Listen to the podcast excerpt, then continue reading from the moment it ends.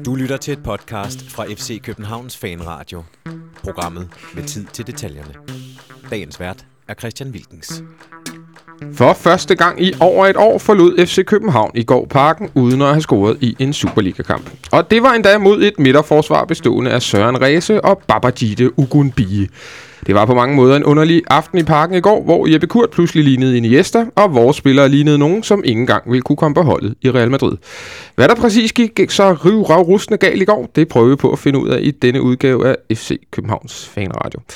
Og med mig i dag, der har jeg Christian Olsen. Velkommen til. Tak skal du have. Og Christian Hertz.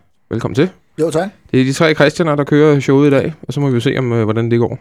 Og jeg går ud fra, at nu siger, at jeg ikke har scoret i en Superliga-kamp i et år, så er det på hjemmebane, du tænker på. Ja, su- jeg sagde, at I øh, forlod FC København i går pakken, uden at have scoret i en Superliga-kamp. Lige det Nej, med, det ikke hører ordentligt efter. lige det med at høre ordentligt. Det er så også mandag for dig, Christian Hertz. Det, det er okay. Olsen, du er jo øh, kommet hjem fra din øh, Tysklandstur. For min Tysklands Odyssé, yes. Og hvordan gik det så? Det gik rigtig godt, altså øh, dejligt vejr. Øh, Lidt koldt, men dejligt vejr. Okay. Og, og lige pludselig kunne jeg forstå, at der var... Øh, Danmark var, eller Østdanmark var lukket ned. Ja, ja. Øh, Det var, altså, man kunne jo ikke åbne Facebook, Twitter, øh, noget som helst, uden at se, øh, se snebilleder fra hele verden. Jeg troede jo, det var Antarktis, jeg, jeg, jeg boede på, eller sådan noget lignende. Hvilke fodboldkamp var det, du har nede at se? Jeg var nede og se et, to- et brag af en kamp, øh, Hamburg-Dortmund, øh, Mm. mm. fredag aften, som Hamburg overraskende vandt 3-1, Mm. mm. på trods af, at Dortmund spillede, synes jeg, klart bedst set på stadion, men de var hammerne ineffektive, og Hamburg levede godt på øh, Dortmunds fejl. Og så så jeg Wolfsburg mod øh, Werder Bremen dagen efter. Og hvordan det? Ja, den vandt Wolfsburg 6-0. Øh, det var, de spillede godt, Wolfsburg, vil jeg lige sige. De, de spillede lidt ligesom, jeg tror, Ståle Solbakken godt vil have, at FCK skal spille. 4-4-2. Ud over stepperne. Øh, ja, det ved jeg så ikke, om Ståle Solbakken vil have. Men øh, masser af indlæg og masser af kombinationer, og det, det gik bare stærkt. Og, Og var det en fed oplevelse at se, se fodbold i Tyskland? Nu ved jeg, jeg tror, du har, du har, du har prøvet det før, men ja, er der bare noget specielt? gange. Ja, det, jeg synes, det er fedt at se fodbold alle steder. Mm. Øh, det, der, det, der lige er det ved Tyskland, det er, at øh, fansene måske er... De, der er stadigvæk billige billetter dernede, så almindelige mennesker kan stadigvæk gå til fodbold. Nu var vores billetter ikke billige, for det var de sidste, der var på stadion, tror jeg. Så, øh, men, men billetterne bag målet og billetterne til, øh, til, til fodboldfansene, de var... Øh, ja, det gør jo så også for eksempel, at, at Dortmund havde et rigtig stort... Øh, en rigtig masse mennesker med, men Mm. mm. øh, det sjove var, eller det ved jeg ikke, om det er sjovt, men deres ultras blev til at starte med ikke lukket ind på stadion, og så stormede de portene, og så Nå. brugte de lige lidt af første halvleg på at slås op på øverste afsnit. Det var også spændende. Det var vel dernede, hvor vi stod tilbage i år 2005, da, da vi mødte mm. Hamburg. Det var det, og de kom så ind med deres flag og trommer gik i gang med at sang, og så var der lige lidt sangbattle og sådan nogle ting der. Og så i anden halvleg, så var dem der, der var oppe og slås, de var så kommet ind, så blev resten sure, så de gik. Nå. Så det var egentlig Hamburg, der styrede øh, den lydmæssige billede af den kamp, øh, kan man sige. Mm. Og den anden kamp i, i Wolfsburg, det var et, et fedt stadion, men der var ikke, jeg tror det ligesom er, det nok Tysklands svar på Farm Park. Det er Ja. et rigtig flot stadion. For øvrigt, et stadion, som jeg synes, at øh, ville passe FCK rigtig godt. Meget tæt, stejle tribuner og 30.000. Bum. Bum. Mm. Mere skal der ikke være. Det var godt at høre, at du har haft en, en god tur til Tyskland, Olsen, og vi er selvfø- selvfølgelig glade for at, at, at få, dig, få dig hjem igen. Øh, vi skal... Så jeg var ikke i parken. Nej, du var ikke i parken. Vi nåede det ikke. I, I nåede det ikke, men du mistede så ikke så meget. Du så den på tv, Jeg har så, på så, TV. så, så, så du har selvfølgelig kloge ord at bidrage med i dag. Vi skal selvfølgelig først og fremmest tale om den ret skuffende præstation, vi leverede i går i, i parken mod Viborg, vi spillede 0-0 og, og missede lidt en mulighed for at lægge lidt afstand ned til, til vores forfølgere.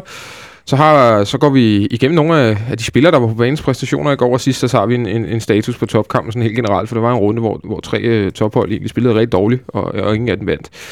Men vi skal også lige sende en, en hilsen til, til en af vores øh, trofaste øh, lyttere, Olsen. Øh, vil du gøre det? Ja, det er rigtigt. Øh, en, en, en, en god bekendt, kan man sige. Øh, Henrik, han har en søn, der hedder Nikolaj Mor, og han har været ude for en forfærdelig øh, fodboldulykke, har vi lavet os fortælle. Og han er trofast lytter, og hans far fortalte os, at, øh, at det var et af de faste holdepunkter, han havde, når han lå på hospitalet. Det var at høre på vores programmer. Så vi vil godt ønske ham alle sammen god bedring, Mm. og kom godt tilbage, og he- alt muligt held og lykke fremover. Det vil vi i hvert fald gøre, og forhåbentligvis er han i stand til at komme ud og spille noget fodbold igen inden længe. Øh, Præcis. Det, det, vil være, det vil være skønt. Det er jo dejligt at høre, at der er folk derude, som, øh, som lytter til At vi vores har program. trofaste lytter. At vi har det i første omgang, og, og dejligt, at vi kan hjælpe i en, i en trist situation. Jeg mener, han har ligget på hospitalet indtil flere uger, og det er ikke sjovt for en, for en knægt, øh, øh, ja, hvad er han, en 14, en 14 år eller noget i den retning, Ja, ikke? jo. Det er ikke, det er ikke skide sjovt. Men øh, Nikolaj, du skal have alt muligt øh, god bedring, og så, øh, så går vi ellers i gang med, med dagens program. Christian Hertz, det blev 0-0 i går. Mm. Ståle kaldte efter kampen en, en urolig kamp. Øh, en Ja. kamp, vi aldrig rigtig fik kontrol over. Hvorfor, hvorfor blev det sådan? Ja, det er jo et, et meget godt spørgsmål, men vi mødte måske et, et langt bedre Viborg-hold, end øh, man kunne have forventet. Jeg synes faktisk, de var gode, og man sidder jo sådan med en lidt speciel følelse af, at, at vi slap fra Brøndby Stadion med 0-0, og der, der havde man sådan lidt, ah, det, det kunne måske godt have vundet, altså, der Mm. var, øh, og nu sidder man sådan lidt, hvis jeg skal være helt ærlig over for mig selv, så, så skulle man måske være lidt glad for 0-0 mod Viborg. Jeg synes, de har langt de største chancer, så det er sådan lidt bizart, at man øh, på hjemmebane mod et hold, som man klart havde forventet at slå, øh, står tilbage med, med 0-0. Men, så, men jeg synes dels, det skyldes, at det, det var et godt Viborg-hold, der kom. Og så var der måske også lidt øh, et FCK-hold, der aldrig sådan rigtig kom op i gear. Jeg synes, det virkede som, at, at de havde sådan den der, ah, det kommer nok lige om lidt, agtige ting. Og det kan man, alle der prøver at spille fodbold, ved godt, at man aldrig og undervurderer modstanderen til at starte med, og det er aldrig noget, man gør med vilje, og det er aldrig bevidst, men man så alligevel ikke er sådan helt oppe i det der 100%, men, men hele tiden, ah, så, så skruer vi nok lige om lidt i stedet for. Og lige pludselig så var tiden bare gået. Det siger vel alt om kampen, øh, Olsen, at øh, Stefan Andersen han bliver kåret til, til, til kampens bedste spiller af fansene. øh, fortjent, må man sige. Vi har tidligere snakket om herinde, hvis vi sammenligner os med Brøndby, at vi har, vi har haft et, øh, et højt bundniveau. Øhm, og det kan vi sige, øh, nu så vi vores bundniveau i går, og- det var ikke særlig højt, synes jeg. Mm-hmm. Jeg er meget enig med, med, med Christian, eller Hertz. Mm. Ja, vi må hellere sige her til Hertz, jeg er meget enig med. Hertz i, at, øh, at, at, at vi er heldige med at slippe fra med, med, med 0, 1 point, skulle jeg til, 1 point. Mm. Øhm, tak for det. Øh, tak til Viborg for, for, for ikke at ville tage alle tre. Mm. Men det var tydeligt, at øh, de vidste jo godt, hvordan FCK skulle spille. Så De stillede op i en 4-1-4-1. Man kan sige, når Kurt faldt ned i banen, så var det i hvert fald en 4-1-4-1. Så det vil sige, at de hele tiden var, kunne spille mand mod mand på kanterne. Det var meget sjældent, deres kanter blev øh, spillet tynde. Og indcentralt, der havde de konstant tre mand løbende, kan man sige. Øh, så kommer Men øh, skal det, skal det virkelig være så enkelt at, Nej, at det- smide grus i maskineriet for os? det, det skal det selvfølgelig ikke, men det vender vi tilbage til lidt senere, hvad der gik galt. Ja. Men nu prøver vi at, nu forholder jeg mig til, hvad der gik godt for Viborg. Det var nogle af de ting, at de var taktisk godt indstillet. De, de løb mange kilometer. De løb, I første halvleg havde de allerede løbet på et tidspunkt, jeg kan de sagde det ikke mere. Øh, efter 30 minutter tror jeg allerede, at de har løbet to kilometer længere end FCK. Det er ikke alverden. Det er 200 meter mere per vand, mand og sådan nogle ting der. Men alligevel, det fortæller lidt om indsatsen, kan man sige. Så taktisk disciplineret Viborg-hold, som, øh, som gjorde det godt. Øh, Hatten af for dem. Vi kommer jo skidt ud. Altså det første kvarter er vi klart øh, det dårligste hold på banen. Så synes jeg egentlig, vi får, vi får spillet os til et overtag i, i resten af første halvleg, men for alvor uden at blive super farlige. Ikke? Ja, altså det overrasker måske mest, at Viborg egentlig var i stand til at, at være det bedste hold i en periode, fordi jeg tænkte, de kun ville leve på kontra, men de kunne rent faktisk også godt holde lidt i bolden i starten. Øh, Det, det, det forsvandt så. Vi fik lagt det tryk. Vi, ligesom vi, så fik vi sat vores spil, uden det nogensinde blev rigtig farligt. Men jeg synes, for i forlængelse af det, øh, Ose siger, så synes jeg specielt deres kanter, altså der er flere episoder i første halvleg, hvor Jonas Kamper pludselig ser rigtig god ud, og det er måske et udtryk for vores kanter, der aldrig rigtig fik stoppet ham, men det var som sådan nogle ting lykkes, ikke? At Det lykkes med de der afleveringer til Deble i, i kanten, øh, eller sådan i, i dybden, altså der, der var så om, at de, de fik ramt hinanden, øh, for, og det kan vi så komme ind på, hvilke spillere går, går galt hos os, men vi får ikke rigtig stoppet den der mellemstation mellem forsvar og indgreb i hvert fald, hvor det tit var, at, at der kunne ligge en aflevering, Øh, og jeg synes, øh, i det hele taget var det deres kanter, der, der stadig igen også var gode, for det var de jo også mod FC Midtjylland. Altså, vi var jo ligesom advaret, de havde jo vist, at, det var blandt andet en af måden, de slog Midtjylland på. Og så kommer vi ind i pakken, og så, så virker vores kanter en lille smule overmatchet i perioder. Det var lidt overraskende. Øh, så i de perioder, vi har, hvor vi spiller godt der i første halvleg, hvor efter måske ja, et kvarter 20 minutter, mm. hvor vi ligesom begynder at sætte spillet, så bliver vi jo altid sådan rigtig farlige. Altså de chancer, vi har, øh, for eksempel en Cornelius, som jo skal have et, indlæg ind. Altså han, han kommer faktisk mistimer op den. til det. Ja, og så, så ryger den over, og han har også en i anden halvleg. ikke? Altså det er som om, øh, og, og Verbitz har også en, ikke? og det kan godt være, at Cornelius i virkeligheden har tre, ikke? men Verbitz har også en. Så ligesom, at, at når vi har de der, hvor at det er jo ikke en 100% chance, men i vores verden er det jo nærmest, at Cornelius kommer op og vinder hovedstødstøden, så er det tæt på at være en, øh, det er Cornelius måde at have en friløber på nærmest, Mm. mm. ikke? Og så hammer han den over øh, med, med panden, ikke? Det var måske meget øh, symptomatisk for vores indsats i går. Øh, Olsen, er det helt tilfældigt, at sådan en, en, et, en dårlig kamp her kommer efter en, en landsholdspause? Altså, vi har haft, haft mange spillere afsted. Nej, det tror jeg ikke. Jeg tror, det er, det er et meget godt eksempel øh, på, hvornår de kampe kommer. Øh, de har ikke trænet sammen, øh, de har ikke, de har ikke, øh, hvad kan man sige, de har trænet sammen rigtig meget længe og sådan nogle ting, men de har måske ikke fået rigtig fået plejet den taktiske træning ind, og det Mm. igen, det skal ikke være noget problem. Men der er ingen tvivl om, at Viborg har, har nok kunne... Sidste gang vi mødte Viborg, der kan jeg huske, at... Ja, fordi der var vi jo heller ikke gode. Der var vi heller ikke gode, men der kan vi huske, der fik vi at vide fra, fra, fra din bekendte i Viborg, at Viborg var temmelig presset. Og Det var jeg- lige før en landsholdspause. det var lige før landskampspausen, og jeg er sikker på, at de her landskampspauser, de er, det der sker med Viborg, det er, at de, de har fået hvilet, mm. og, de, og samtidig er de også ved at komme op i Superliga-tempo. Mm. Øhm, og det er jeg sikker på, det kommer til, det har betydet rigtig meget for den her kamp. En anden lille detalje, som de, som de blev mærke i på Kanal 9, øh, det var, at øh, Almarte havde været nede og spille øh, landskampsfodbold som centerforsvar for, for Ghana. Øhm, så, så de havde brugt de træningsforløb, de havde haft i ugens løb, dem havde de brugt, brugt på ham på midtbanen igen på den der 3, 360 graders fornemmelse ind i kroppen. Og ja, det, det lykkedes ikke særlig godt, kan man sige. Vel? Nej, vi tager, vi tager en del af spilleren lige her. Ja, om, men, om, men det kan også betyde noget, for han, han så da også flad ud. ikke? Ja, det gjorde han, og, og der har jeg måske også et, et, et, et, argument eller to for, hvordan det, eller hvorfor det kunne være. Men igen, det tager vi øh, lige om lidt. Øh, En af de ting, som vi var blevet bedre til, synes jeg, her over de sidste lange stykke tid, det er noget, som vi har talt rigtig meget om herinde, og også talt med Ståle om, da han var her for efterhånden et stykke tid siden. Det er det her med at hvile med bolden. Altså, når, når, mm. i perioder, hvor vi ikke lige kan komme igennem rent offensivt, eller hvor vi har brug for at, at få noget, noget kontrol over kampen, for det fik vi jo aldrig i går, jamen der har vi i den sidste stykke tid været bedre til at hvile med bolden, altså køre bolden rundt imellem kæderne, og, imellem, og ikke hele tiden skulle slå den afgørende aflevering. I går, især i anden halvleg, der, der er gået 10 minutter, så er det jo sådan noget total Hawaii-fodbold, og øh, virker ustruktureret, virker nervøst, og virker... Øh, virker som om, vi vil op og score de der 1-0-mål hele tiden. Ikke? Øh, der, der, der, der, der manglede vi ikke det at kunne slå lidt koldt vand i blodet, og, og spille bolden lidt rundt, og på den måde få styr over kampen.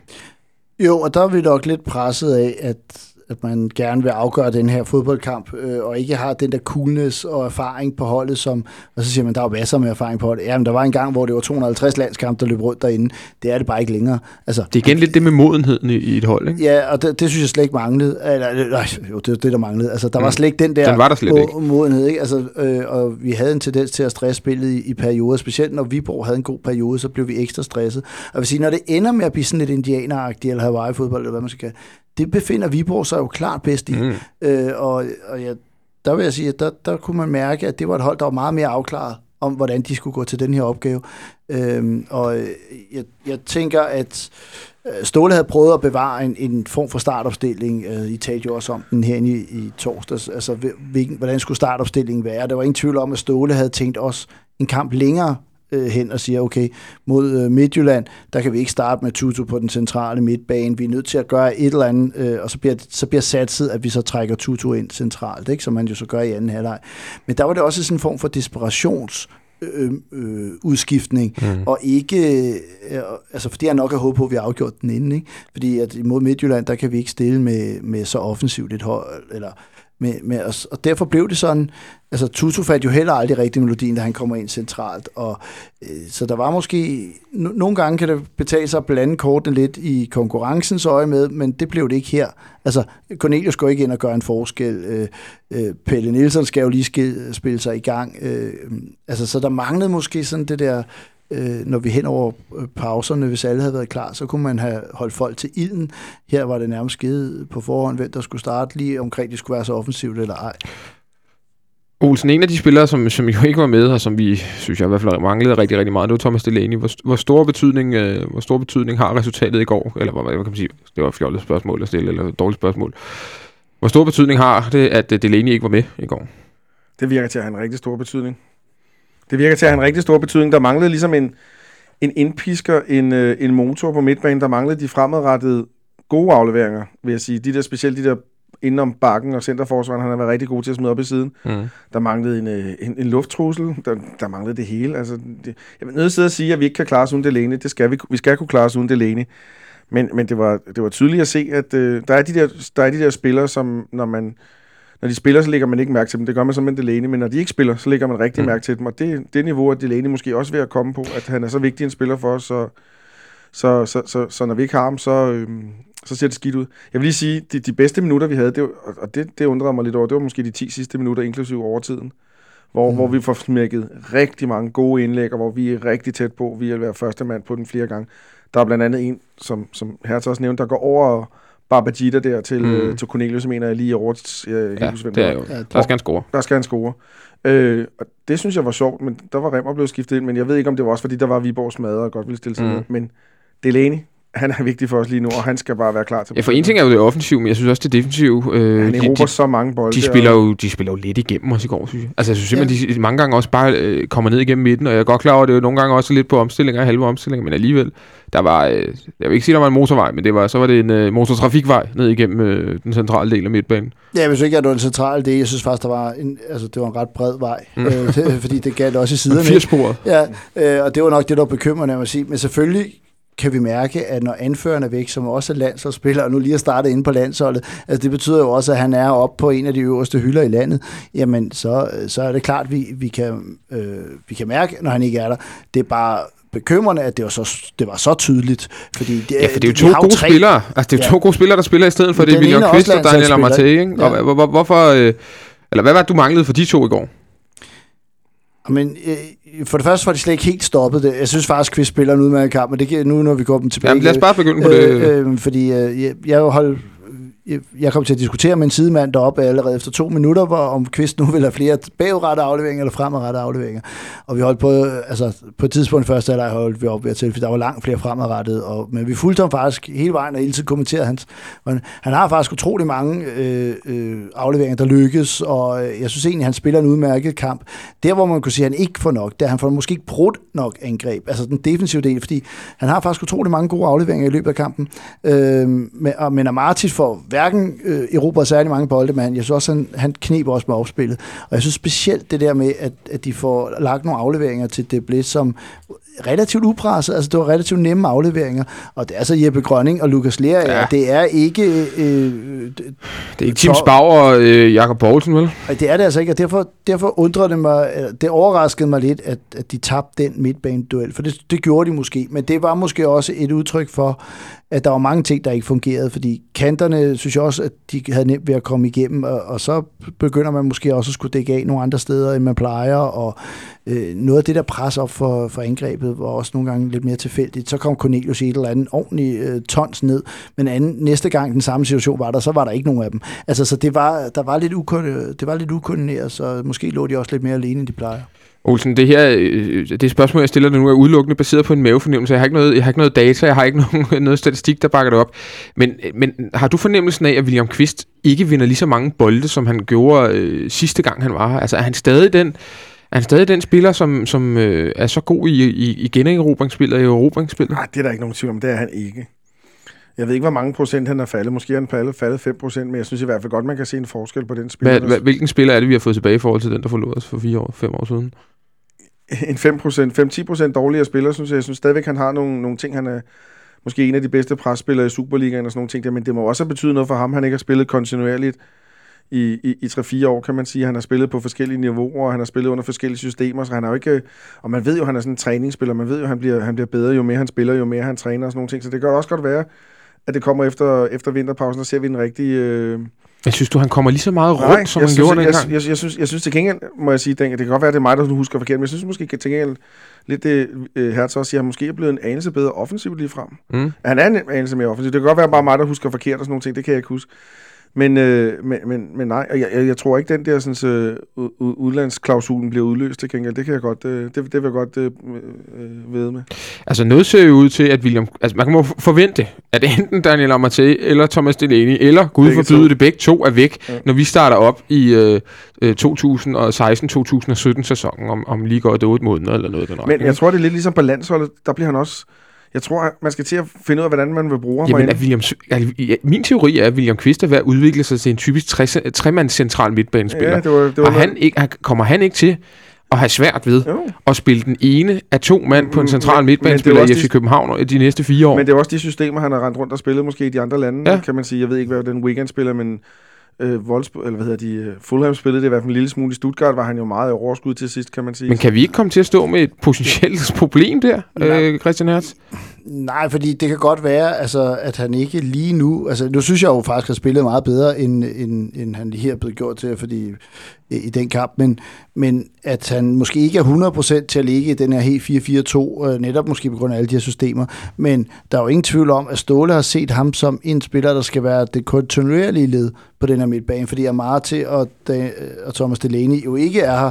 Øh, og hvem er det så, der er på en, på, kørt ind på en femårig, eller hentet på en femårig kontrakt? Mm. Det var jo William Kvist i håb om, at der skulle være en, en eller anden, der kunne, der kunne bære de her videre, som nu skulle spille på, på midten. Øh, det, det virker som, han kun fungerer sammen med Thomas Delaney, mm. og ikke rigtig med meget til, og det er jo lidt bekymrende.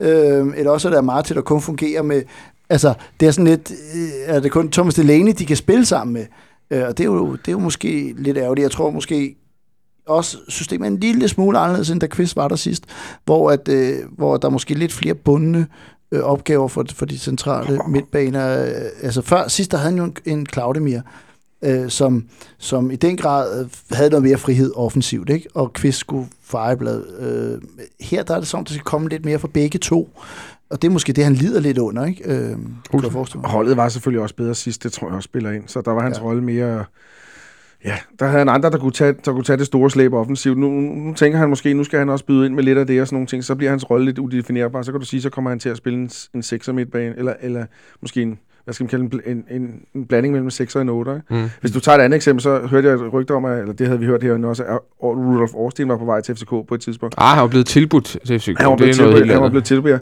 Og han er også et klassisk eksempel på en midtbanespiller, som aldrig ville kunne spille mm. på en tomands midtbane herinde. Men han spiller en ganske fint øh, oprydder sekser derude der. Og så... Ja, hans hans øh, marker derinde i går, øh, quiz marker derinde i går, Daniel Mathé. Jeg er helt enig med dig, øh, Slødervold, Christian Hertz, du, at øh, han heller ikke spiller nogen stor kamp. Jeg synes i det hele taget, at øh, vi har haft en lille bølgedal i Amatei-præstationer her den sidste måneds tid måske endda. Øh, er du enig i det, Olsen? Ja, men han bliver også kastet frem og tilbage, ja. og det kan være, det... Er det der, han betaler prisen, eller vi betaler prisen ja, lidt i øjeblikket? Jeg tror, vi betaler prisen lidt der, og så betaler vi prisen af måske mange rejser frem og tilbage til Afrika. Det, ja. det slider også på kroppen, og det kan godt være, at man sidder og snakker om de moderne fodboldspillere, men de der ture, det, det var nemlig det, jeg var, øh, okay. hintede lidt for tidligere. Han har, tror, var det lige, derfor, du sad og pegede på Globusen på Afrika? Lige præcis. Han har nemlig han har været en tur i Ghana og spille øh, kamp øh, for Ghana, men han har altså også været en tur... De, de var på Komorerne? Komorerne, som ja. ligger øh, lige ude for den nordlige del af, af Madagaskar ja, øh, i det indiske ocean. Det er en pæn tur. Ja, fordi normalt så er der jo ikke, altså mellem Ghana og Danmark er der ikke noget jetlag. Nej. Altså det er måske øh, det er bare en lang tur. forskel, ikke? Ja. Det er bare en lang tur på 5.500 km. Det er ret langt, men, men det er stadig ikke, du bliver ikke reddet ud af tidszonerne, men det gør du med en rejse til kommunerne, så kan du altså godt mærke det. Mm. Der, jeg, jeg så engang en interview med Jaja Tudor, som fortalte, når de var hjemme på landsholdslejr, så er det jo ikke noget med, at de bliver lagt ind et eller andet sted. Så skal samtlige familiemedlemmer eller i stammeklanen mm. skal besøges og skal til gode ses på en eller anden måde. Så jeg tror, man godt kan blive stressramt af at være dernede som landsholdsspiller. Og han er ikke så gammel, så, så ja, jeg tror, jeg tror, det er meget rejseri. Jeg tror, det er meget de mange kampe. Jeg tror, de mange øh, frem og tilbage. Jeg tror, det har betydet, måske har det endda også betydet noget med noget klubskifte og sådan nogle ting. Mm. Måske bliver der også snakket noget i kulissen, vi ikke ved noget om. Så, og han er ikke så gammel, så det forstår man godt. For der har været et lille dyk, og han spiller, øh, han smider flere bolde væk, og, han, og det der måske er det største problem, han vinder ikke lige så mange bolde ja. lige i øjeblikket, som han har gjort øh, hidtil i hans øh, FC København-karriere. Ja han lavede en klassisk en i går på Jeppe Kurt. Den, den var rigtig flot, vil mm. jeg sige. Mm. Og så smider han i dybden ja, ja, bagefter. Bevares. Ja, men det, ja, men en, en fin aflevering. Det, var, det lignede lidt den, han havde, da... Mod... Øh, pil, nej, det, var, det hedder det ikke. Jablones, ja. de andre tjekker vi røv til, ikke? Mm. Øh, men, men, og jeg synes også ude i Brøndby, jeg, synes, jeg var også en af dem, der var en lille smule skuffet af ham derude. Jeg synes, Delaney spiller fremragende, da vi spiller ude i Brøndby. Jeg synes, Daniel Amaté hang, hang lidt lige et halvt skridt efter hele tiden. Det kunne også være, at han er blevet presset af Delaney måske er the man with the plan nu. Øh, det, det, det kan også nogle gange have en afsmittende effekt. Ikke at jeg tror, at han så spiller dårligere, men altså, det, er, det er nemmere at skubbe ansvaret over på Delaney, kan mm. man sige. Altså, muligheden for, at Delaney er med på søndag, vi er ret enige om, at det kan have afgørende betydning, om han, om han spiller eller ej. Det lød som om på Ståle i går, at, eller han sagde, at han var meget, meget tvivlsom. Det sagde han i øvrigt også, at Antonsen var. I dag kunne vi forstå på et skrivelse, der er blevet smidt op på FCK.dk, at han har løbetrænet med, med Cosgrove, Øh, herinde i parken tror jeg faktisk, det var, at de havde rykket træningen til, og han, øh, det, det endnu var for tidligt at sige noget. Altså, det er jo lidt om sådan at sidde her og, og spørge jer, tror I, han spiller eller ej, men, men, øh, men tror du, man kunne være villig til at tage nogle, nogle risici øh, og smide ham i kamp, selvom øh, man måske kunne være bange for, at han ville gå i stykker øh, relativt hurtigt i sådan en kamp? ja, hvis han selv er indstillet på det. Er det sådan noget med at smide øh, nogle smertestillende på ham? Og så? jeg tænker, at om han er med herinde mod OB eller ej, det er ikke lige så afgørende som, øh, som en kamp derovre. Altså, vi har to kampe tilbage, hvis jeg ikke... Øh, det er rigtigt. og det er altså ikke meget. Og den ene er så afgørende. Altså, nu fik vi ikke den sejr her, som gjorde, at vi være tre point foran Midtjylland og kunne tillade os at tabe med en enkelt pind derovre eller to. Ikke? Altså, vi skal have minimum udgjort derovre for at ligge øh, nummer et, øh, og så er det måske vigtigere at få point i kampen på søndag, end det er at kunne stille med de bedste 11 på, øh, om 14 dage mod, øh, mod OB. Hvor langt tror du, man er villig til at gå, Olsen? Langt. Meget langt. Det, jeg tror også, det var en, et wake-up call for hele staben i går, så at, øh, at han mangler sgu ind. Og det, Mm. det er skræmmende at tænke på, at vi mangler en spiller. For sidste år, der var det Nikolaj Jørgensen, der var helt hunderad for at ikke, ikke spillede. Ikke? Så nu er det Thomas Delaney. Mm. Det, et, et hold af, af vores klasse skal ikke være afhængig af en spiller på, det, øh, på den måde, som vi er. Så, som det virker, som om vi er. Jeg kan godt tage fejl.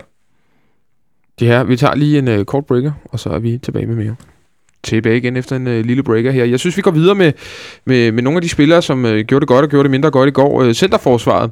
Pelle Nielsen spiller jo sin første kamp i, i rigtig, rigtig, rigtig lang tid, og uh, bliver taget ud efter nogle af 60 minutter, men det var mere taktisk årsager, tror jeg. Olsen, han spiller vel egentlig ganske fint, ud over en kæmpe fejl.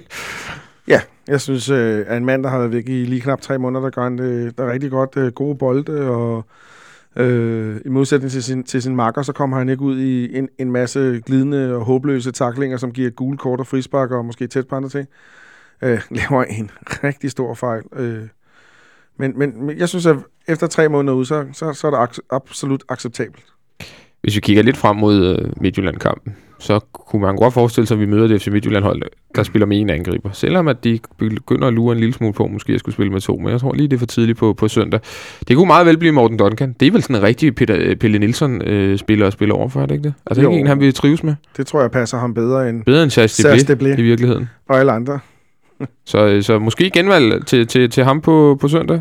Ja, det kommer også lidt an på midtbanesammensætningen, om Delaney bliver klar. Hvis Delaney ikke bliver klar, så giver det jo næsten sig selv. Mm. Så, men, men ellers, ja, det tror jeg. Ja. Eller Anton Soné. Altså, vi har jo, og der er ingen tvivl om, at Ståle har siddet og tænkt, at, at jeg er nødt til at få Pelle Nielsen i gang. Altså, fordi jeg kan ikke tage til, øh, til Midtjylland og så ikke kunne bruge. Jeg tror, altså, det er derfor, han startede i går. Ja, det er helt sikker Var det også lidt det, du med- sagde tidligere med, at han har kigget en kamp frem i Ja, virkeligheden? det, det tror jeg, fordi det handler om, at, at øh, du kan ikke have en fuldstændig uskarp Pelle Nielsen, der ligesom nærmest øh, gendebuterer, altså. Nej. har et comeback-kamp i, i Midtjylland. Der skal lige have været... Øh, øh, noget, øh, hvad hedder det, noget, øh, noget kamptræning, ja. ikke? Og den skarphed, og det der med lige at mærke, det er sådan noget andet reserveholdskamp, ikke? Der er lige, der er tilskuer på stadion, du bliver lidt skarpere, der er noget med, øh, hvad er det for nogen, jeg spiller sammen med, med mønstrene nede, i forhold til øh, Sanka, i forhold til Stefan Andersen, i forhold til Baksene og sådan noget. Synes du også, han gjorde det fint? Ja, det synes jeg, øh, selvom at, øh, at der, Viborg kommer frem til en del chancer, og jeg kan næsten ikke klandre ham på særlig mange af dem, udover den der meget store chance, hvor han ikke rigtig får, får den væk. Øh, så, så, har jeg, så kommer de alligevel frem til mange chancer, og det skyldes måske også nogle gange, at der er ting, der ikke sådan helt er afstemt. Selvom han så ikke så... Det var ikke ham, der så dum ud i situationen, Nej. men nogle gange kan det godt have en afsmittende effekt at have en, som, som måske løber lidt forkert. Så skal de andre kompensere lidt, og hvad ved jeg. Så øh, sådan, det kan godt være afledt effekt af, at han ikke har spillet så længe, men jeg sad overhovedet ikke og var nervøs for, at han spillede, for jeg synes faktisk, at han, hans boldomgang virkede sådan meget fin, øh, og det kan jo tit være noget med, altså en svensk midterforsvar, der ikke har spillet et halvt år, Mm. det, det lyder ikke, eller tre måneder eller meget det er, det lyder ikke som en, der har en fin boldomgang, men det så egentlig fornuftigt ud. Øh, så det, det var egentlig ikke der, jeg også mere på Olsens vogn, at, øh, at, øh, at Sanka rodede sig ud i, i flere mærkværdige ting, end, øh, end øh, Pelle gjorde. Og hvad, skulle han have været vist ud i går, Sanke? Det øh, var lige på vippen. Jeg tror ikke, han skulle have lavet, jeg tror ikke, han skulle have lavet et frispark mere. Så var han vel nok røget ud. Nej, jeg synes ikke, jeg synes ikke, ja, nu får du lov til at svare på det spørgsmål, jeg lige har stillet, selv har stillet, sådan set. Olsen. Nej, jeg vil, godt, jeg vil starte det på en anden måde at sige, jeg synes, at dommerlinjen i Superligaen er fuldstændig umulig at regne ud. Øh, PT, øh, Tidiane Sarne bliver vist ud for det, Leif Rasmussen fra Fyns stiftede, kalder en næretakling. Ah, afrikaner-takling. Afrikaner-takling, undskyld. alt. Og- og- at det er meget bedre, vil jeg sige. og, og, og Magnus Eriksen laver sig en tilsvarende i AGF Brøndby-kampen der. Øhm, ja, øh, han havde gult kort, og så laver han vel øh, et par frispark, som, som, som ser lidt mærkeligt ud, og sådan nogle, hvor han ligger sig ned og stempler lidt og sådan nogle ting der. Stempler han? Ja, altså stempler på bolden og stempler på modstanderen, mm, okay. og gør på dit og dat, men altså ikke sådan noget, ikke en afrikaner-takling. Nej, men Selv- det, men det var satset, Det ikke? det er satset satset. lige præcis, altså. Han har, han har en lige efter, at han ja. Godt kunne ja. have været fået den gode, hvor han også farer frem i en 50-50 Ja. som han gudskelov for, for, for, for, for vundet, men havde, var han kommet i den anden det sekund lige senere, det så over det skal lige siges, at der var på et tidspunkt, hvor de får et frispark, som bliver knaldet på overlæggeren. Ja. Der er på ingen måde frispark Nej. i den situation. Nej.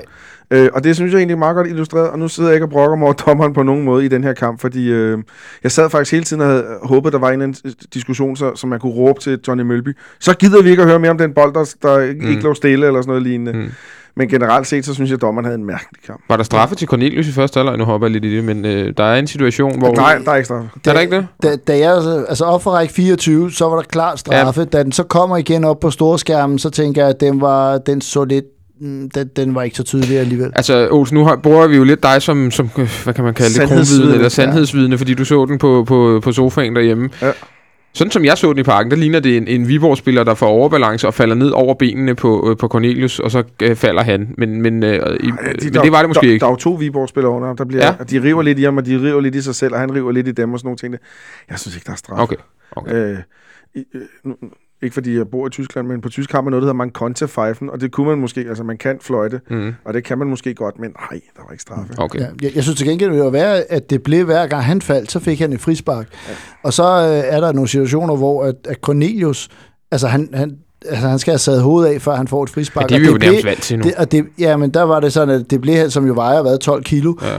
øh, øh, så der skal bare være en, en, et lille vind, så vælter han. Og han fik alle frisparkene i, i går, og der var, det var helt klart en, en linje på, det var måske den eneste linje, han holdt, det var, at, øh, at de her øh, fysiske dueller, der er den, der er fysisk overlegen, øh, får et frispark imod sig. Det er også typisk danske dommer, synes jeg, dem der. Ja.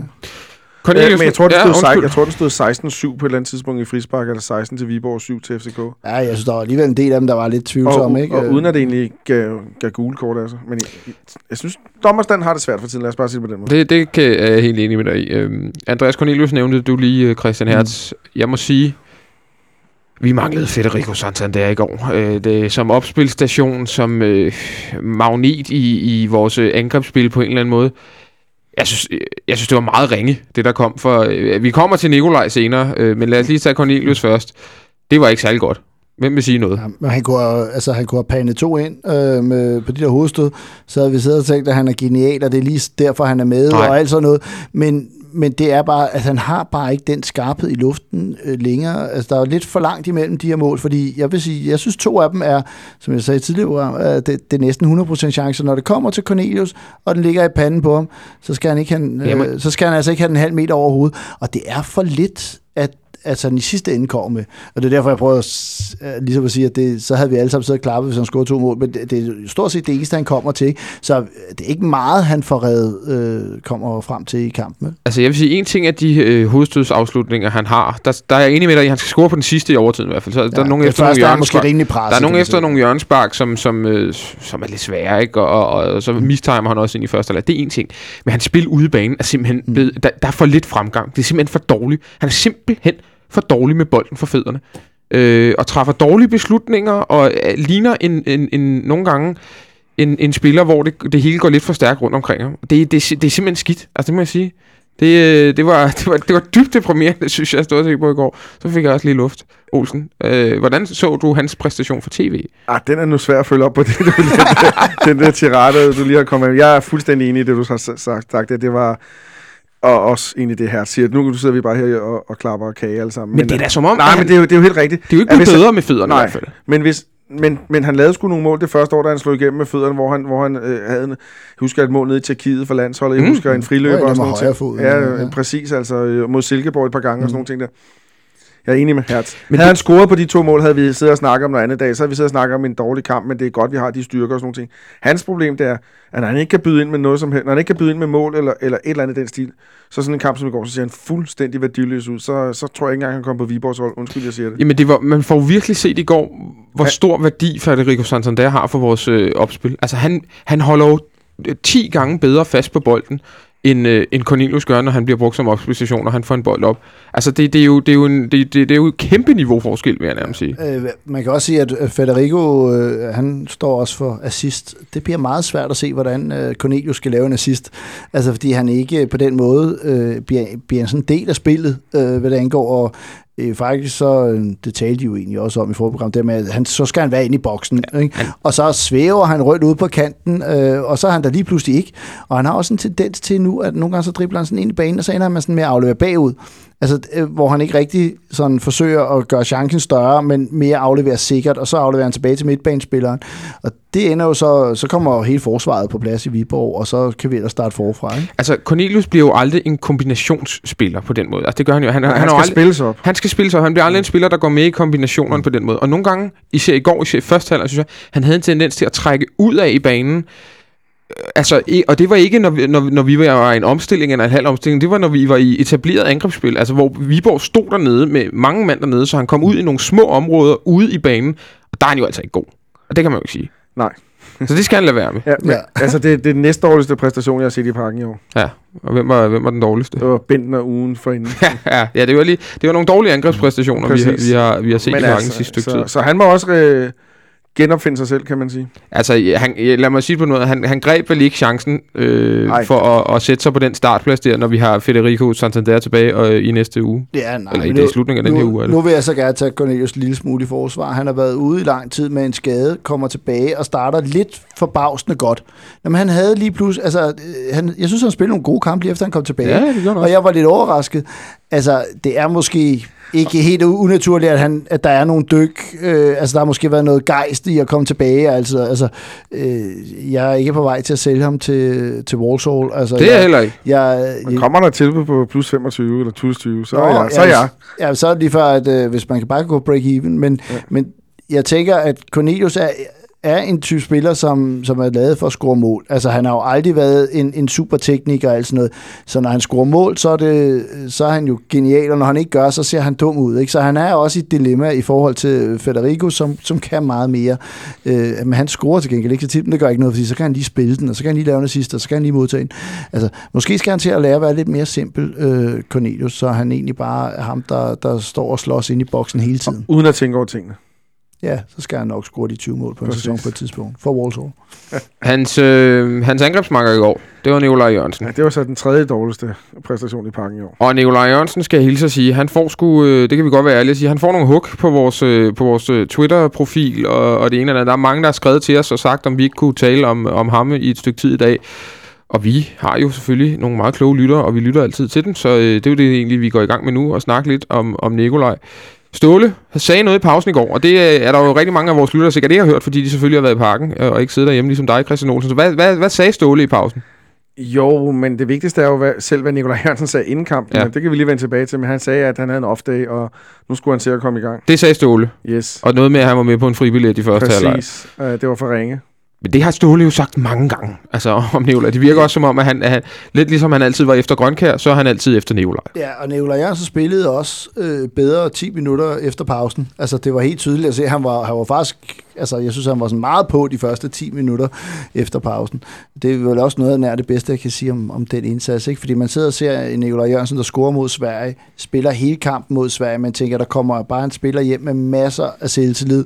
Er der nogen, der har fået et boost for de her to kampe mod Sverige, hvor man røg ud, ud over øh, Antonsen sikkert tænker, at han skal til EM, så er det, at øh, så er det Nikolaj Jørgensen. Han fik en personlig succesoplevelse, ikke? Øh, og så, så bliver det simpelthen sådan noget... Øh, lala, han laver to fine kanaler, og man, altså, han kan jo de der ting.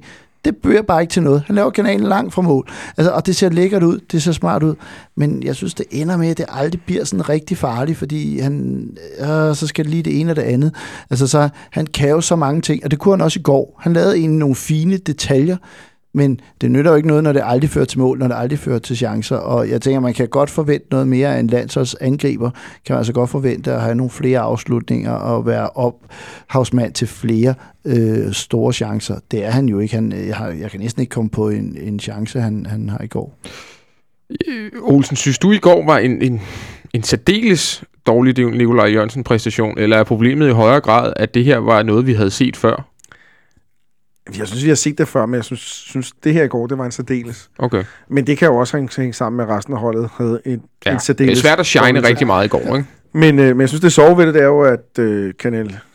Hvad hedder de? 8-9 stykker der. Discovery Kanal 8-9 stykker, Ja, eller, et eller andet, de- de kørte jo- Eurosport de kørte- de Jeg kørte- tror, 8 er afgået ved døden. Ja, Ja, det så er er noget, det, så det nok var. ni. De kørte jo en vinkel på det ene kampen, Ja.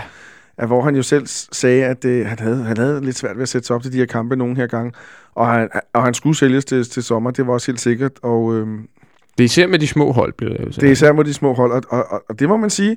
Jeg kan, jeg kan godt lide, når folk er ærlige og går ud og melder noget op og sådan nogle ting. Det, det, det var måske bare hans mening, han ville ud og bevise det, han faktisk mente. Men han har, vi har også hørt ham sige før, Olsen, at, at, at nogle gange skal han bruge et spark i røven. Lidt ligesom Sanka i øvrigt også Ja, har ja. sagt nogle gange. At nogle gange skal han have et spark i røven, før han, han rigtig kommer i, i gang. Men, men jeg tror, der er en ting, jeg siger ved det her, det er, at hvis der har siddet en eller anden udenlandsk scout eller agent eller et eller andet inde i parken i går, så bliver han ikke solgt på den præstation. Nej, men det, det er sådan set lidt Nej, ligeglad nej, nej, med. nej. Fordi jeg tror, det er hans drivmiddel. Jeg tror, det er hans... Øh, øh, fordi Ståle kan, kan råbe ham ind i hovedet bagefter og sige, det her bliver du sgu ikke solgt på. Og det er 100% sikker. Han bliver ikke solgt på den her indsats. Måske, som, som her siger, så gjorde han det jo, kom han ud af landskampene med, med, med en lille smule oprejsning. En af dem, der kom ud med lidt oprejsning, kan man måske sige. Men hvis der så er der siddet en, der scouter og siger, nu tager jeg skulle lige hjem og ser ham i hans næste kamp, Mm. så ser de en spiller, som roder rundt, som tager forkerte beslutninger, som holder for længe på bolden, som Attituden er heller ikke super altid. er ikke dit, dit og dat. Lige præcis som man short nok selv selv har stået og sagt inden kampen. Øh, så, så, så, så, så, så, så pilen peger den vej, og så skulle han åbenbart have dummet sig helt vildt efter interviewet bagefter. Det så jeg så til gengæld ikke. Der er det ikke, hvad, hvad Nej, det var bare dig, der sagde, han talte sort. Åh, oh, ja, ja, det, det, ja, det er rigtigt nok. Det, var, det havde været en, en øh, det var blevet meget bedre i anden halvleg. Vi havde mange store chancer, og vi skulle have vundet det. Altså, jeg ved ikke, hvilken kamp Nikolaj har set der. Men det tror jeg, det, det tror jeg er meget normalt for fodboldspillere. De, de lidt ser det, de gerne vil se. De har gange. lidt svært ved at se, hvad modstanderen har gjort. Ja, det er nemlig det. Så den, den, den skal vi nok tilgive, om det var også lige efter kampen. Men, men øh, her kan du forstå, fordi som sagt, som jeg sagde, startede med at sige, så har vi fået en del øh, tweets fra folk, der, der, der var rimelig øh, harme over Nikolajs præstation. Nok også kombineret med det indslag, der blev vist før kampen. Altså, hvis man går ud og siger, at man kan have det svært ved at sætte sig op mod nogle af de, de små hold, så må man vel også forvente, at der er nogle fans, der bliver pisset godt og grundigt af, når vi øh, så efterfølgende går ud og spiller 0-0 mod en af de her øh, små hold i en sæson, som er så usandsynligt vigtig for at vinde det første mesterskab, øh, mesterskab som vi i øvrigt ikke har vundet en del af her de sidste par år. Ja, på alle måder, så, så udtrykker det jo sådan lidt den arrogance, som fodboldspillere nogle gange bliver beskyldt for. Og, og, og øh, det er jo også sådan, han endte med at spille på banen. Ikke? Han har nummer 10 på ryggen for FC København, der er forpligter, og han scorer altså ikke så mange mål i øjeblikket. Jeg tror, og, vi er på tre sæsonmål og to assists, ja. eller så er det omvendt. det- og, det, og det er jo ikke meget. Altså, når man tænker på, at han har så central en rolle på, på holdet, og som Olsen selv sagde, på et tidspunkt, så var det ham, man ikke kunne tåle, der ikke var med. Altså, jeg kan huske en hjemmekamp mod Molde, hvor han går ud efter 29 minutter, og vi går fra at spille blændende Mm. mm. til at bare spille ordinært i resten af, af kampen. Så øh, han, han var en, en så vigtig del for os, men der var han også ude på kanten. Altså der efterhånden synes jeg, at, at når han spiller øh, angrebspladsen, så, øh, så løber det ud i sandet rigtig meget af det, og det er nok fordi, han vil det for meget, og synes, der er for meget, der ligger på hans skuldre, og så videre. Ikke? Men, men ja, man skal altså også, folk skal også være efter en, hvis man er en af de største stjerner, og har nummer 10 på ryggen, og bare ikke levere mod de små hold, specielt når man så bagefter står, eller inden kampen siger, at det kan være lidt svært at sætte sig op mod dem. Jamen, så gør man jo sig selv til skydeskive, når det ikke lykkes. Altså, jeg kunne, jeg kunne tilgive Nikolaj Jørgensen meget sidste sæson, når, når han skulle øh, relationelt arbejde med øh, Rui Gislason og Stifte Ritter og sådan noget. Altså, der, der, kunne der, der, der havde han virkelig også en tung byrde at skulle bære rent offensivt. Det forstår jeg godt. Men Olsen, den undskyldning er der jo ikke rigtig i år. Nej, tværtimod. Nu har han nogen, han kan på, på næsten niveau, han kan lege med. Ja. Øh, jeg, jeg er også kommet til at tænke på en anden ting nu, når man nogle gange ser FCK TV's videoprogrammer med ham, så snakker han meget CR7 Cristiano Ronaldo hele tiden. Og jeg, jeg, sidder sgu lidt og tænker på, han Er det lidt Cristiano Jørgensen nogle gange? Ja, det kan man godt sige, fordi det de der med meget boldberøringer, de der med arme, der bliver slået ud, hvis han ikke får det ting, som man skal være, forsvinder ud af kampene i kortere eller længere perioder, øh, øh, laver undertøjsspil og hele muligheden der. Jeg, jeg tror, nu er jeg også grov med Nikolaj, altså undskyld, hvis du lytter med, men jeg tror at nogle gange selv, han tænker, at han er for stor for klubben, og det giver han jo også udtryk for i interviewet før. Øh, jeg kan huske, Johan, Ej, siger han ikke trods alt bare, han, at, han, det, at det er Ståle jo også ved at sige, at han skal Ja, sælges til sommer, nej, fordi, fordi jeg- jeg, det er jo jeg- en del af en jeg, karriereplan. kan, jeg kan huske, jo, Johan, Al- jo, det er en del af en karriereplan. Jeg kan huske, Johan Almander for et par år siden sagde, at han, han glæder sig til aldrig nogensinde at skulle spille i Horsens igen. Mm. Det er så hans, han selv, at Horsens desværre ikke slog Brøndby. Han har jo aldrig vundet på Horsens han har aldrig vundet der. Ja, han var træt af at drible øh, af folk op øh, på, på tribunen. tribunen. han. Men i, men i, og nu bliver det også jantelovsagtigt. Nu spiller jeg lige det Mm. kort. Men, men for helvede, Nikolaj, når du kommer med sådan en, sådan en bestandt udmelding inden en kamp, er du også svært ved at sætte dig op mod hold som Viborg. Så går du ud og spiller en kamp, hvor man kan se, at du har svært ved at sætte dig op mm. Mm. mod Viborg. Der skulle han jo have gjort det modsatte. Og ja, det kan da også godt være, at han var træt af landsholdstræning og de, det bedutter, de bedat, men altså, det er bare skidt, Nikolaj, synes jeg. Altså viser det noget om det format, man har, hvis man altså, kommer tilbage, som du siger, øh, Hertz, for, en- for en landsholdstur. Man har haft personlig succes, forstået på den måde. Man spillede, øh, man spillede to. Man startede ind i begge kampe. Nej, det gjorde man ikke. Man startede ind i den ene og scorede den anden. Øh, har fået sådan et mini-gennembrud på, på landsholdet. Mm. Altså, der er vel nogle spillere, der vil komme tilbage og, og, flyve videre på den, øh, på den Ja. gode præstation, og så er der nogen, som, som ikke gør det. Pione sidste har sikkert scoret et hat hvis det havde omvendt. Altså, Nej, det tror jeg ikke. Men, Ikke- øh, men, men jeg tænker, at ja, Nikolaj Jørgensen tror jeg længe har følt, at meget af det var op til ham. Og det har det jo også været i en lang periode. Nu er holdet bare blevet så meget bedre, at det ikke længere er op til ham, og, og tingene skal afgøres. Han er en del af hele det her, men der er altså mange andre, der er med, øh, og der er muligheder i det. Og, og den har han har måske haft lidt sværere ved at vende sig til. Øh, og jeg synes, når han spiller, så, øh, så er der sådan, at, at det er så om chancen ikke bliver større af, at han får den. Og det er jo lidt ærgerligt, øh, fordi han er og virkelig Han er stadig på dygtig- dagen, han, synes jeg jo, han er den bedste, øh, måske den Ja. bedste spiller i Ja, Superligaen. jamen det er, han. han har et sindssygt højt topniveau, og han kan, han kan lægge den op i hjørnet. Han har et fantastisk hovedspil. Han kan afdrible alle. Synes også, da vi så i Champions League-kampen... Han skaber også vores største chance går til Kusk helt ind tæt under mål. Det er Nikolaj, der skaber noget ja. på kanten af feltet. Øh, og, og da, vi, da vi spiller øh, det der håbløse Champions League-hold, hvor vi gruppen Juventus og Real Madrid og alt muligt andet, der er det Nikolaj Jørgensen, der ligesom er vores grønkær, der kan holde på den, der kan, mm. der kan gøre de her ting. Så han har også noget andet. Men, men øh, man ender jo med at sidde og se, at han, han laver nogle ting ude på kanten, men det er meget, meget få ting, der fører til noget. Når han kommer ind i feltet, så sidder jeg ikke og tænker, nu kommer afleveringen, der gør, at vi scorer, eller nu, altså, han er efterhånden derinde, hvor jeg tænker, nu laver han sikkert en eller anden øh, sjov dribling, eller sådan noget. Ikke? Altså. Og sådan her til noget af det sidste Jeg om huske, Nikolaj. Flemming Fjeldgaard tidligere har sagt, at han spiller bedst, når han ved, at han er den bedste på banen, og, og det undrer mig lidt. Det har han i hvert fald resoneret sig frem til. Øh, Men nu- er det ikke Flemming Fjellgaard? Jo, jo, jo, jo men, men jeg synes, men jeg, men jeg synes pointen, pointen er, meget god, men i at vende tilbage til, at nu har man måske gået over den anden gruft og sige, nu ved han, at han er den bedste på banen. Øh, nu vil han bare videre, nu skal det bare overstås. Altså, øh, stå, øh, hvor meget ligger på, øh, på trænerens skulder? Hvor meget af det her er Ståle, der ikke formår at få det bedste ud af Nikolaj Jørgensen? Men jeg Fordi vil- han spil- det bedste, han har spillet i FC København, det var under Ariel Jacobs. Ja, og det har været på kanten. Og jeg tror, grunden til, at han ikke, og jeg tror, det bedste ville være, hvis han kom tilbage på kanten, men, men hans krop kan jo tydeligvis ikke tåle det. Øh, de, lange løb frem og tilbage. Så mm. det spiller måske også en rolle, tænker jeg. Pl- Plus vi har, vi er godt besat på de kanter, altså det, det er sværere i angrebet, ikke? Øh, Der, i, I går, der kommer der ikke en ny angriber ind. Nej, der laver vi en justering, som gør, at det er Tutu, der skal ind centralt, og så, øh, fordi vi har endnu en kantspiller, der sidder derude, og så er det sådan, vi satser ved at have en meget offensiv midtbane. Altså, vi har ikke tre angriber siden derude. Jeg ved godt, Baskim Kadri, men han virker stadig så rusten, at det ikke er ham, der kommer ind og kan gøre forskellen, ikke? Så øh, Nikolaj Jørgensen er nødt til at blive brugt i angrebet, når vi, når vi ikke har øh, både Federico og Corner i topform, så er Nikolaj Jørgensen det øh, selv. Altså han er måske en af de første på holdkort i øjeblikket, når Corner ikke spiller bedre. Ganske kort, øh, ja eller nej, skal han starte inde på søndag i Herning? Ja. 100 procent. Jo, så fik, så, så fik vi... så siger fik du det, det synes jeg også, han skal. Altså, det, det, det må man jo sige. Fordi som I selv siger, Det- der kan jo komme et eller andet helt fantastisk. Altså, hvis han er så- det er jo derfra, det kan komme. Ikke? Præcis, og hvis han er svært ved at sætte sig op i sin kamp til Viborg, så Ja. plejer han at spille godt i sådan nogle kampe. Nikolaj, du skal øh, spille godt på søndag, så er meget tilgivet. Det kan vi, øh, det kan vi godt sige. Øh, Vi bevæger os lige videre til det sidste punkt, vi har på programmet i dag. Vi har været igennem de spillere, som vi ligesom synes, vi skulle sætte fokus på nu. Skal vi se lidt på, på topkampen sådan helt generelt i, i Superligaen. Folk siger jo, at det er et spørgsmål om FC København, FC Midtjylland eller Brøndby. Så nu holder vi os lige til dem til at starte med. De spillede... Nu ved vi ikke, hvordan det går ude på Nej, det, det, det, det, det, har jeg på mit, det har jeg på mit punkt herefter, så hvis vi lige øh, gør, som jeg siger for i gang skyld, Ja. her, så ville det være simpelthen så dejligt. Men øh, de tre tophold, de øh, spillede mod, øh, FCM spillede mod OB, var dårlige, fik 1-1. Vi spillede her i parken, var dårlige, fik 0-0, og Brøndby spillede i Aarhus, og var dårlige, og spillede 1-1. Øh, er det helt tilfældigt, at det kommer efter en landsholdspause, de tre tophold, som er, kan man i hvert fald sige, at tre af de hold, der har flest spillere afsted på landshold og ungdomslandshold og alt sådan noget her den sidste Er, er uge? det det, man kalder et retorisk spørgsmål? Ja, Fordi, det er det lidt. Og der er jo ingen tvivl om, at de hold, der afgiver flest landsholdsspillere, også har sværest ved at have de her træninger. Altså, de, de, de skal jo hjem og, og prøve at samle troppen igen. Og det var jo ret tydeligt at se, at det ikke lykkedes særlig godt for nogle af de her øh, tre hold.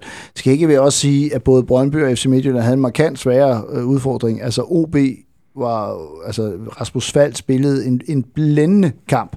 Øh, altså nogle af de detaljer, han lavede mod Shevchenko, ja. det, var, helt- det var helt fantastisk, ikke? Ja. Øh, Shevchenko? eller hvad hedder han? Øh, Svir- Svir- Svirchenko, ja, ja, ikke, ja, ingen ukrainsk angriber, men ja, Svirchenko, øh, hvor, han, hvor han vipper den ene vej og sådan Ja. noget, ikke?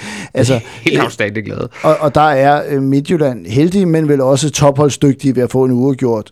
Øh, Brøndby, det er ikke nemt at spille i Aarhus, specielt ikke mellem, altså nogle gange så har de fået en ordentlig prøv, andre gange har AGF givet dem sejren øh, nærmest, ikke? Mm. Men, men, De prøvede på det i går. Ja, det gjorde det lidt, ikke det der 1-0-mål, og så kan jeg stadig, jeg, jeg slukkede i ejerskab, ikke? Altså, så jeg så faktisk ikke resten af kampen. AGF var Øh, klart bedst den sidste men- time. Ja, og Og der det var var, egentlig også bedst i starten. Det var og faktisk bedst. Slut Ja. før straffe. ja, og der må man sige, at, at de slap jo noget i at få svære opgaver, men det er klassisk, at det, er, det begynder at blive koldt, banerne er ikke lige så gode. Det gør også sværere for topholdene at spille rigtig hurtigt, og altså, det kræver også en god bane at spille rigtig hurtigt. Ikke?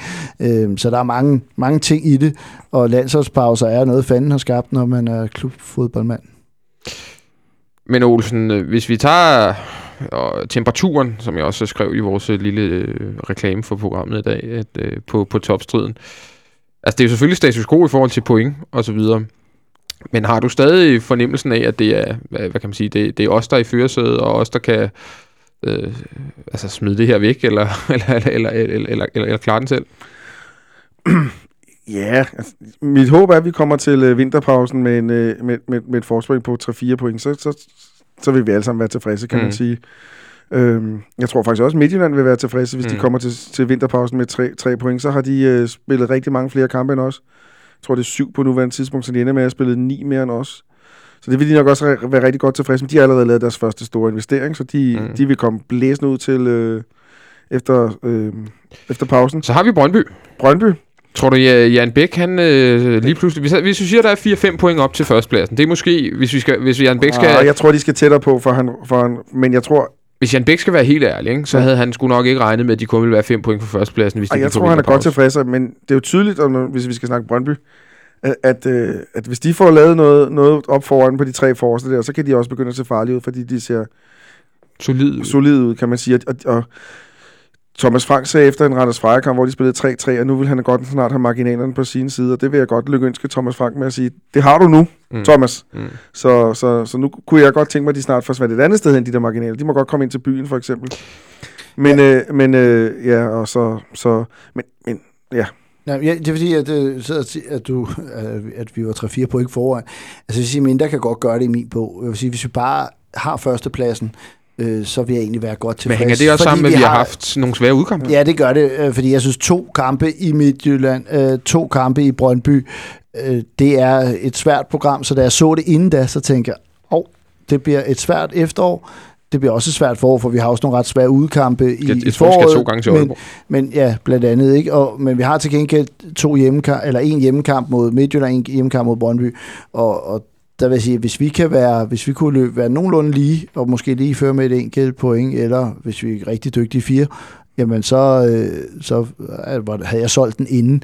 Nu kan jeg måske stå med sådan lidt blandet fornemmelse, for jeg synes, at Midtjylland er ved at, at dykke i niveau, og Brøndby svinger også så meget, så det er jo lige så meget os, der heller ikke har leveret, det må man sige. Og, og vi har det der med et skridt frem og to tilbage, det er Mm. den følelse, man sidder 2-0 kamp i træk, det er sgu lidt sløjt, så er det svært at blive sådan rigtig, yay, men altså, hvis vi vinder over Midtjylland, så er den tilbage igen, ikke? Jo, men der er også der er sat lidt pres på os nu med de her resultater. Ikke? Altså, mm. vi har, som du siger, vi har, vi har skabt øh, en lille smule tvivl om, hvor, præcis hvor vi står, efter en periode, hvor vi egentlig følte, vi var på, på, på, rette spor. Ikke?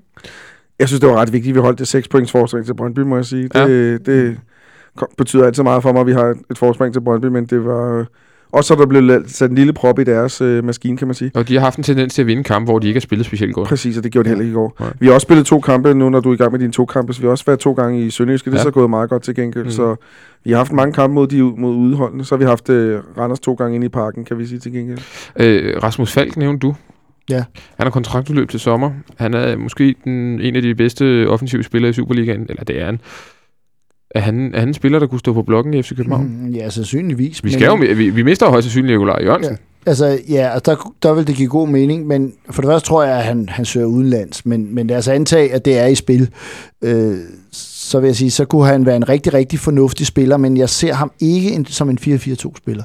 Altså, jeg ser ham mere som en, der enten har en sådan en offensiv rolle i, i sådan en eller en 4-2-3-1, hvor han nærmest ligger som en tier, eller som det her fløj. Spil, Altså- spiller, spiller øh, OB spiller Ej, 4-4-2. Ja. Det, det ved jeg godt, men, men, jeg, nøj, men jeg, jeg ser ham ikke som en sådan, en, der er... FCK 4-4-2.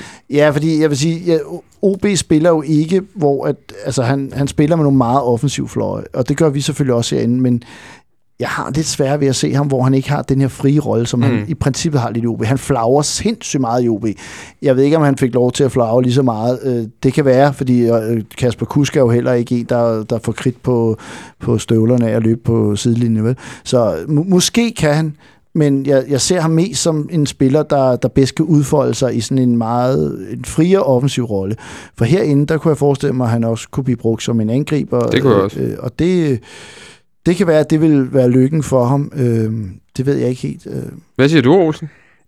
Jeg, jeg kan simpelthen ikke forstå, hvis Rasmus Fald bliver i Superligaen. Det, det, Peter Gravlund sagde mente for, at Brøndby var et godt bud. Det er jeg i øvrigt. Øh, det er meget sjældent, jeg kan sige det her, ja. men det er jeg faktisk enig med Peter Gravlund. i. og, og, men seriøst, altså... Øhm, Det der er med han, han er Rasmus.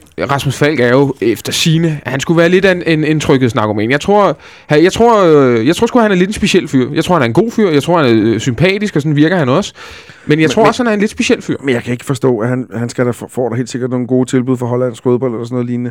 Så kan han selvfølgelig ringe til Kasper Kusk Og spørge, hvordan hvordan det gik var det? og sådan nogle ting der, men Men vil, hvis jeg- jeg- Hollands fodbold vil jo passe godt til ham, Jo, synes det sagde man også med Kusk. Ja. Altså, Men- men, men vil, du gerne se ham i FC København? jeg vil se alle øh, dygtige spillere i FCK. Men og, kunne, han, kunne han fungere herinde? Hertz øh, udtrykker lidt øh, Ja, tvivl om, men hvorvidt ja, han kunne der, spille. er, der er jeg på Hertes øh, øh, vogn, eller hvad sådan noget hedder. Ja. Øhm, vi spiller jo det der, som I tidligere har nævnt, det er meget, meget, meget svære 4-4-2, stramt struktureret. Og han er en, en, en flagrende, pragmatisk type, som, som et øjeblik står det ene sted, og et øjeblik står det andet sted, og sådan nogle ting der. Det kunne jeg godt, øh, det kunne jeg godt have det svært ved. Altså, jeg kunne godt se ham inde i Brøndby, det må jeg sige. Han har haft Thomas Frank som, som træner før, og kender ham fra ungdomslandsholdet. Han kender vel også Troels Bæk fra OB. Øh, jeg, synes, jeg synes, der er nogle ting sådan i sol, måle og stjerner, så der, der godt kunne fortælle mig, at, Alene af den grund synes jeg, vi skulle gøre alt for at han, øh, ja, få det, ham. det, det, vil ikke være så det, det bekymrer mig lidt, fordi noget af det, de mangler, det er jo, det er jo sådan en som ham. Ja, ja. Altså, så, så man, altså, de manglede en som Aarhusen, og, og måske en som Rasmus Falk. Og hvis de får begge dele, så begynder man jo at blive lidt bekymret for, at de kan få det hele til at, til at, at svinge. Jeg vil heller ikke blive helt overrasket, hvis der måske allerede sker noget her til vinter. Det kunne jeg faktisk godt forestille mig. Jeg tror... Øh, Jeg tror ikke, han bliver OB, det er det eneste, jeg har Ja, at fordi OB er jo også interesseret i at, at tjene nogle penge, ikke? mm, det er Og, cool. og han er for øvrigt, øh, så gik det op for mig, at Erik Marksen, der også spiller for Randers, også var en del af det der middelfarthold med Christian Eriksen og Rasmus Falk og Erik Marksen. Og Det, er- det er et stærkt, øh, stærkt hold, de har haft der i, i, i det Middelfart. er vist også nummer 3 eller 4 til DM, Tillykke til dem. Som lille putter, vel man. Ja, ja, ja det, det er rigtigt. Rasmus Falk, vi får se, øh, hvor, øh, hvor, hvor han ender hen. Øh, Vi har jo faktisk tidligere været ude efter ham, dengang han var... Øh, dengang hed det vel junior eller yngling eller noget i den retning. Og det var vist øh, ret tæt på, men som jeg sagde det før, han er vist lidt en speciel fyr, og dengang så ville han gerne blive i Odense og blive i middel, eller blive, Og så giver det mere blive mening på at tage til? Brøndby, hvor en Troels Bæk og, og Ja, en det er nemlig Frank, ikke? Altså, Jeg vil, ikke, jeg vil sgu ikke blive helt overrasket. Nå, det, det aller sidste, vi lige skal nå at tale om i dag, det bliver meget, meget, meget kort. Er vi færdige med kampen i, på søndag? Den øh, laver vi nemlig stor optag til her på fredag, hvor at, øh, der kommer kloge folk i studiet igen, og vi laver Nå, ja, hverken her til lærer kun, en eller nej, det, det, det, lige præcis. Og laver en kæmpe optakt øh, på fredag. Men dagen før om torsdagen, der skal Midtjylland jo en tur til Polen øh, og spille øh, Jeg tror, du ville snakke Liverpool. 21.05 nede i Warszawa, hvor de møder Legia Warszawa. Øh, det er vel tæt på perfekt for os, øh, Christian Hertz. Ja, det kunne ikke være meget bedre. Øh, og det, Karabak. Og der, øh, der vil jeg for øh, sige, at øh, hvis man skal sidde og se den kamp, så er der øh, hvis en øh, ungarsk angriber, som scorede 22 mål sidste år i 22 kampe i, i Ungarsk Liga, så køber Liga Warszawa ham, og starter han med at score et eller andet øh, seks mål i fem kampe. Nikolic. Ja, lige præcis. Og, så han, ham synes jeg, man skal sidde og kigge lidt efter, hvis man ser den kamp. Også fordi, det var også en, man tænkte, skulle FC have ham, men han er vist lidt for kontrabaseret, lidt for sådan en østeuropæisk måde at spille fodbold på. Men øh, man må håbe, han kunne gøre lidt det onde ved Herning, og det er ikke for at svække dansk fodbold, jeg tænker det, men, men jeg tror, at de er ramt lidt på cyklen. Det synes jeg også, man kunne se. Selvom de vandt 5-1 over et decimeret Esbjerg-hold, så synes jeg ikke, at de viste sådan Ah, det- det, det topklassehold det- med OB. Ikke? Det er et Jonas Dahl-hold. De har svært De, ved at ligger, tage point. ja, de har det Ja. altid svært mod Ja, Ja, Midtjylland. så, øh, så jeg, jeg tænker, at øh, i sådan en kamp, det, altså, øh, de er jo presset til at vinde Liga Warszawa. Ikke? Det de har altså 30.000 på hjemmebane, og de har altså ret mange tilskuere, der er ret meget tryk på tribunerne. Det er ikke en nem kamp at komme derned. Det bliver, det bliver sådan en rimelig stor prøve for dem. Til gengæld, hvis de nu vind, vinder dernede og sikrer sig videre, Ja, for det kan de jo nemlig. så, øh, så kunne de komme hjem klokken 4 om natten, og så ville de sikkert stadig have friske ben, på grund af, at man er videre. Ikke? Altså, så det kan også have den modsatte effekt, hvis man virkelig går ned og spiller en god kamp, så er man tilbage med selvtilliden, og så bliver de sværere at slå. Men hvis de hele tiden bliver ramt på det der med, at det er lidt svært at vinde, og øh, vi sov ikke skide godt, fordi flyet landede i Billund klokken... Ja, Jeg håber noget snevejr. Ja, det ville være fint, at de lige skulle... Bliver der et døgn? Og så, så får de jo nærmest sovet om natten, ikke? Altså, fordi jeg tænker, når du spiller klokken, slutter klokken 23, så flyver du altså ikke før klokken 2 om natten, ikke? Og så, øh, Men så skal du lige have et hotel og sådan nogle ting. Der. Ja, altså, ja det er rigtigt. Der er mange, der er mange øh, øh, udfordringer øh, i sådan en hjemrejse, som ikke gør, at den bliver lidt besværlig. Olsen, Vi kan hvordan... godt spørge vores lytter, er der en kendt, der kender en, der arbejder i Warszawas Lufthavn? Ja, så kan Ja. lige gå ind og lave, sætte dig på bagagebåndet, eller et eller andet, som går i stykker. Et eller andet, lav et eller andet. Men Olsen, øh, hvordan tror du, øh, Midtjylland griber den her kamp an? Fordi som, O- som Hertz siger, så har de jo egentlig en mulighed til for at gå videre for den her gruppe, selvom de ikke skulle vinde mod Liga Warszawa. Jeg tror, de kan finde på at sådan, ikke smide den her kamp, men måske ikke stille med alle øh, kanonerne i, i sådan en kamp, fordi de øh, tre dage senere har en uhyggelig vigtig kamp mod os i Herning. Jeg tror, jeg tror, de spiller på begge heste.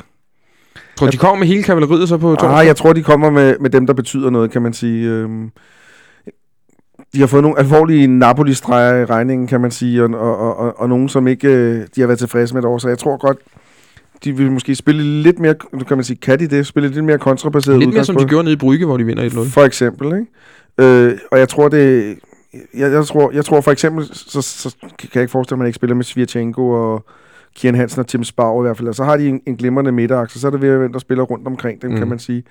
Men jeg er helt sikker på, at de kommer for at spille på... Det kan godt være, at de sparer sådan som Pione Sisto, som har det svært for tiden og sådan nogle ting. Men generelt set, så tror jeg, at de kommer for at få et resultat dernede, og det vil de også gøre tre dage efter. Som jeg tidligere sagde, så, så tror jeg, de er ret tilfredse med at...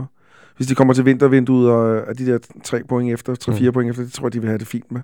Ja, Ikke, ikke fint med, men det kan de leve med. Det, kan de leve. Jeg, jeg tror, de sparer Duncan. Altså både Pucic og Onuccio øh, altså er nogen, der står og banker på for at spille. Ikke? Så jeg tror, Pucic får lov til at, at få en sådan kamp, netop fordi den måske ikke er lige så vigtig som om søndagskampen, ikke? Og man har hjemmekamp mod Brygge, hvor de alle sammen tror, at der kan de afgøre det, ikke? Øh, men Brygge er altså en opadgående formkur, er begyndt at vinde i en hjemlig liga flere og flere kampe, ikke? Øh, så, så det bliver ikke en nem kamp for, for Midtjylland, øh, fordi man vandt den første, så, så er det ikke det samme, det er ikke det samme Bryggehold, de møder.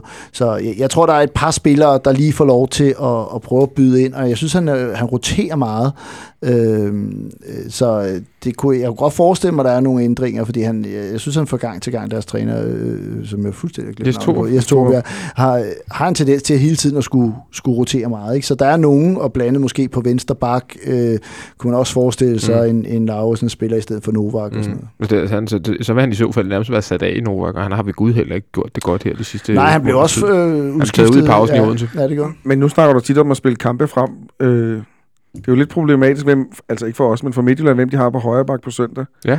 Øh, nu ved jeg ikke, om Bak Bak er skadet, men der kunne man godt forestille sig, at de kørte Lauritsen, øh, Novak på de to, eller sådan noget lignende i den stil der. Men, Men ikke så så vil man de mås- har en venstre bak på højre bak. Nej, præcis, ikke men så noget. vil de måske godt hvile den ene af dem, eller, eller hvile Lauritsen i hvert fald. Alt det med, hvordan at Midtjylland eventuelt stiller op på Ja, ja, søndag, det, det er tager vi på, det tager vi på fredag. Der er vi også blevet klogere, fordi der har de jo altså som sagt spillet dagen før nede i Warszawa, og den kamp kigger vi selvfølgelig også lige lidt på på, på fredag.